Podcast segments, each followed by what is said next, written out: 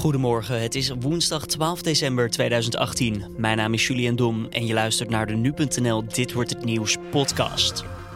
We beginnen meteen met het belangrijkste nieuws van nu. Want drie mensen zijn dinsdagavond omgekomen bij een schietpartij nabij een kerstmarkt in Straatsburg.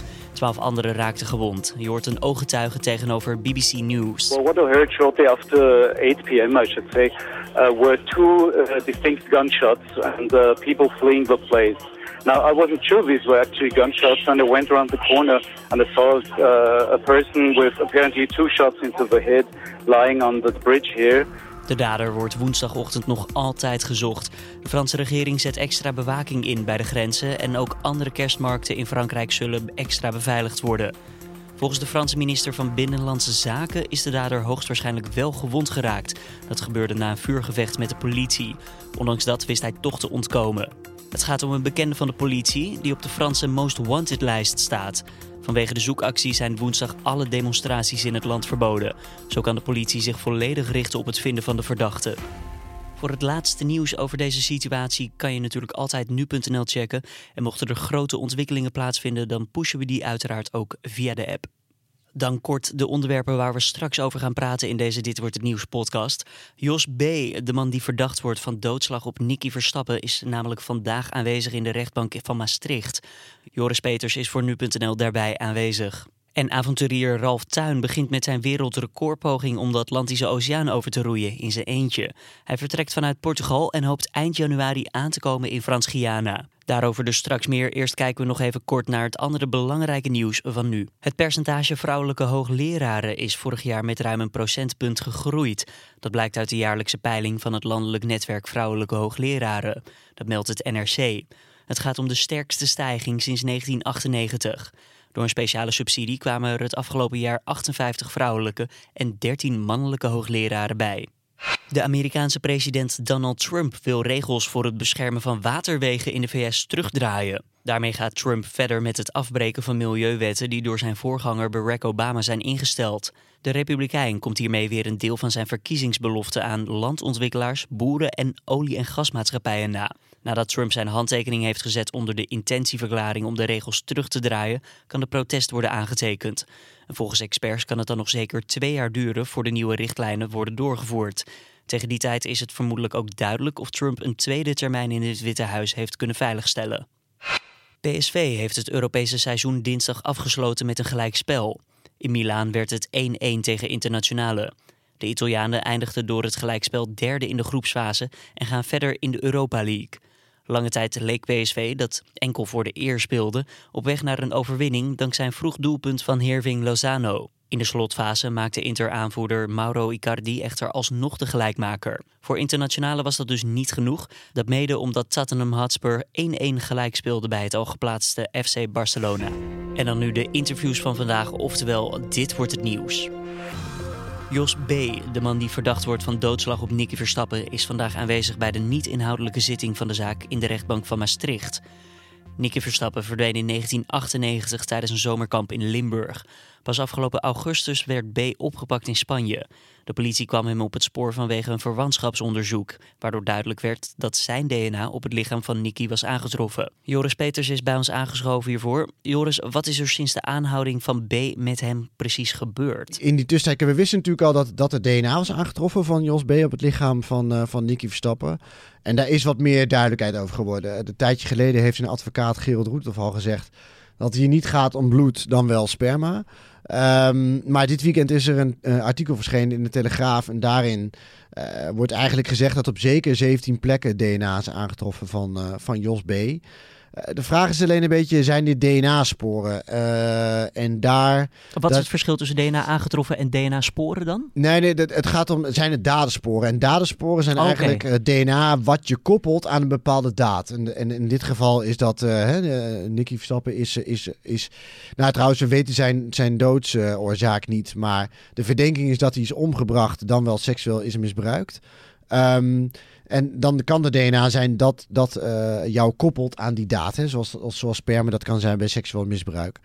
Nou, in dit geval is dat niet helemaal zeker. Ehm, en ik denk dat we daar uh, woensdag wel, wel meer over zullen horen van het Openbaar Ministerie, maar ook zeker uh, van de verdediging. Ja, wat is een niet-inhoudelijke zaakzitting? Nee. Wat betekent dat dan? Wat krijg, we gaan niet op de inhoud in, maar dit nee. dus blijkbaar wel. DNA ja, kan kijk, naar voren komen. Een, een, verdachte heeft gewoon recht om na drie maanden voor de rechter te verschijnen.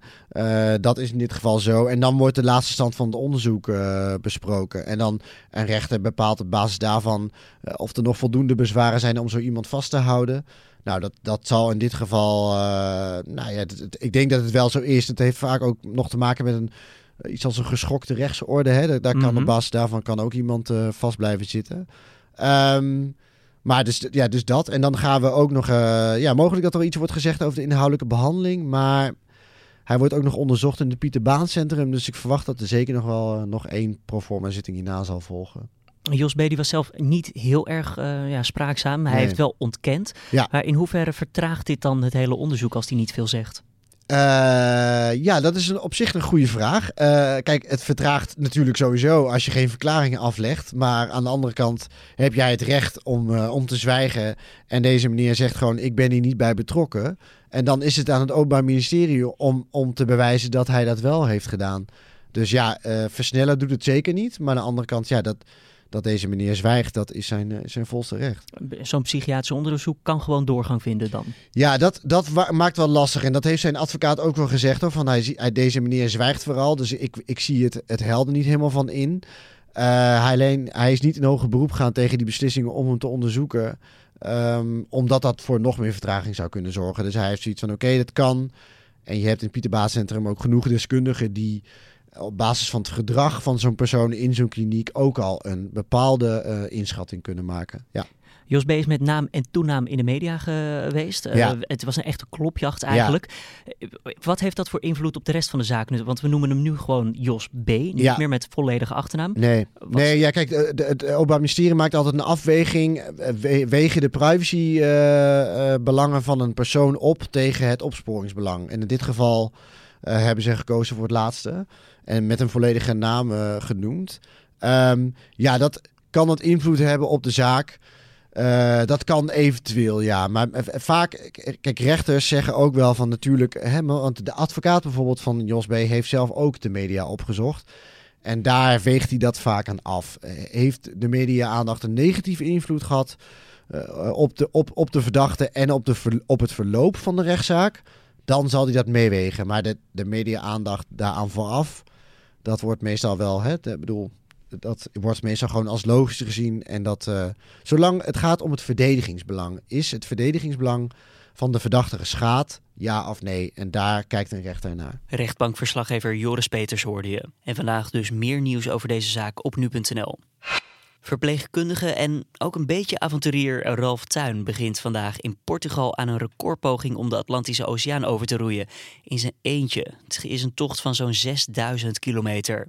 Het record staat nu op 96 dagen, maar Ralf verwacht eind januari aan te komen in Frans-Guyana. Daarmee zou hij dat record met zo'n 40 tot 45 dagen verbeteren. Nou, we hebben hem aan de telefoon.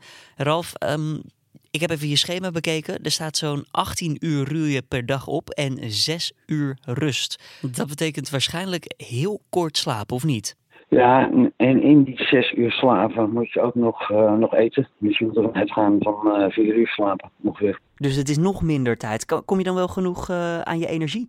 normaal gesproken zou je denken dat dat niet zo is. Maar ik heb er wel ervaring mee, dus dat, dat lukt wel. En hoe zorg je er dan voor dat je bijvoorbeeld niet afdrijft of uh, ja, een storm inwaait? Je zit gewoon in slechte weersomstandigheden, meestal goede uh, weersomstandigheden. Maar als je midden op een oceaan zit en op een gegeven moment wordt het slechter weer, uh, daar moet je het maar mee doen. Dat moet je zien op te lossen. Dus dat, dat doe je dan ook. Nou, het maakt niet zoveel uit dat ik alleen ben, maar ik heb al eerder van 10 meter ook mee uh, gemaakt. Ik weet hoe ik daar uh, mee om moet gaan. Je hebt ook een keer een aanvaring gehad op de Indische Oceaan. Kan je daar eens over vertellen? Ja, op de Indische Oceaan ben ik overvaren van een tanker. En toen heb ik ruim 18 uur moeten dobberen op een oceaan om onderkoeld geraakt te worden en gered te worden. En uh, ja, dat was, dat was geen, uh, leuke, spannende uh, situatie. Die wil je geen uh, twee keer in je leven meemaken. Is, er, is het niet mogelijk om op tijd opzij te gaan? Of hoe, wat moeten we ons daarbij voorstellen? Nou, er is een heel verschil gekomen van tegenwoordig. Uh, alle apparatuur aan boord is een stuk verbeterd. Dus iedereen ziet mij echt. En vijf jaar terug was de apparatuur toch wat beperkter. Waardoor je meer in gevaar kon komen. Dus dat zal in de toekomst uh, niet meer gebeuren. Laten we dat hopen inderdaad. Dan eventjes de focus, Ralf. Hoe hou je die zo lang onderweg? Um, dat vind ik voor mijzelf niet zo'n groot probleem. Als je ook uh, al twaalf jaar terugkijkt, dat ik in mijn eentje al 281 dagen in mijn eentje de uh, grote oceaan ben overgegroeid van, van Zuid-Amerika naar, naar Australië ik heb echt wel de ervaring en ik weet echt wel hoe ik daarmee om, uh, om moet gaan. Maar wat doe je dan eigenlijk? Heb je bijvoorbeeld, luister je naar muziek? Ja, heel veel, heel veel commerciële oude house muziek. En heel veel uh, crunch en ervaren en dat soort muziek wat mij er ook uh, doorheen sleept. En dan het eten, dat moet je natuurlijk ook doen. Hoe gaat dat in zijn werking? Neem je dat allemaal mee? Ik vang onderweg vis, maar het is een klein bootje. Het is nog geen 7 meter lang. Dus die uh, gaat uh, aardig op en neer. Af en toe 10 meter hoge golven. Maar ik heb al mijn vriesdroogde maaltijden mee. Ik vang vissen, verse vis erbij. Maar dat weet je nooit hoeveel je van.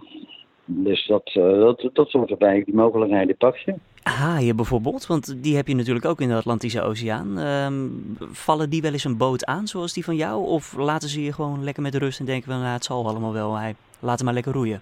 Ja, haaien die zie je wel om je heen. Maar de meeste haaien die uh, geven wel eens een tikje tegen de boot aan. Maar meestal slaan ze aan de haak en dan uh, eet ik ze ook op. Je eet de haaien ook op, uh, dat kan gewoon? Ja, waarom niet? Dat is ook vlees. Nee, het probleem is van. Um, tuurlijk, haaien zijn groter en moeilijker om te vangen. Maar haaien bijten wel overal in. Dus uh, die heb je het snelst aan de lijn hangen. En als ik ze dan toch heb, dan uh, haal ik ze binnen. En als ik ze dan toch binnen haal, dan kijk ik naar uh, wat voor soort haai het is. En dan knip ik die lijn los om ze weer te bevrijden. Of als het een lekker ei is, dan trekken ze naar binnen om op te eten. Wat is voor jou, denk je, de grootste moeilijke drempel waar je overheen moet tijdens deze recordpoging? Nou, mijn grootste overwinning is nu om uh, een hele snelle tijd neer te zetten in mijn eentje. En in mijn eentje ook een, uh, mijn eigen bestaande record al met, met vier roeiers te verbreken. Ik denk dat dat een hele belangrijke is. Wie staat er op je te wachten in Frans-Guyana als je aankomt daar? Uh, ja, vijf jonge, prachtige studenten van uh, de Hogeschool Holland, waar ik ooit zelf ook heb uh, gestudeerd. En die, die begeleiden mijn oversteek ook. Dus die, staan daar, die zijn nu ook hier in Portugal. En die staan ook bij het eindpunt. Ralf Tuin hoorde je. Hartstikke bedankt voor je tijd. Heel veel succes uiteraard. En naar verwachting komt hij dus eind januari aan in Frans-Guyana. Trainer Erik ten Hag hoopt vanavond met Ajax groepswinnaar te worden. Dat nadat een eerdere confrontatie met Bayern München uitliep op een gelijkspel.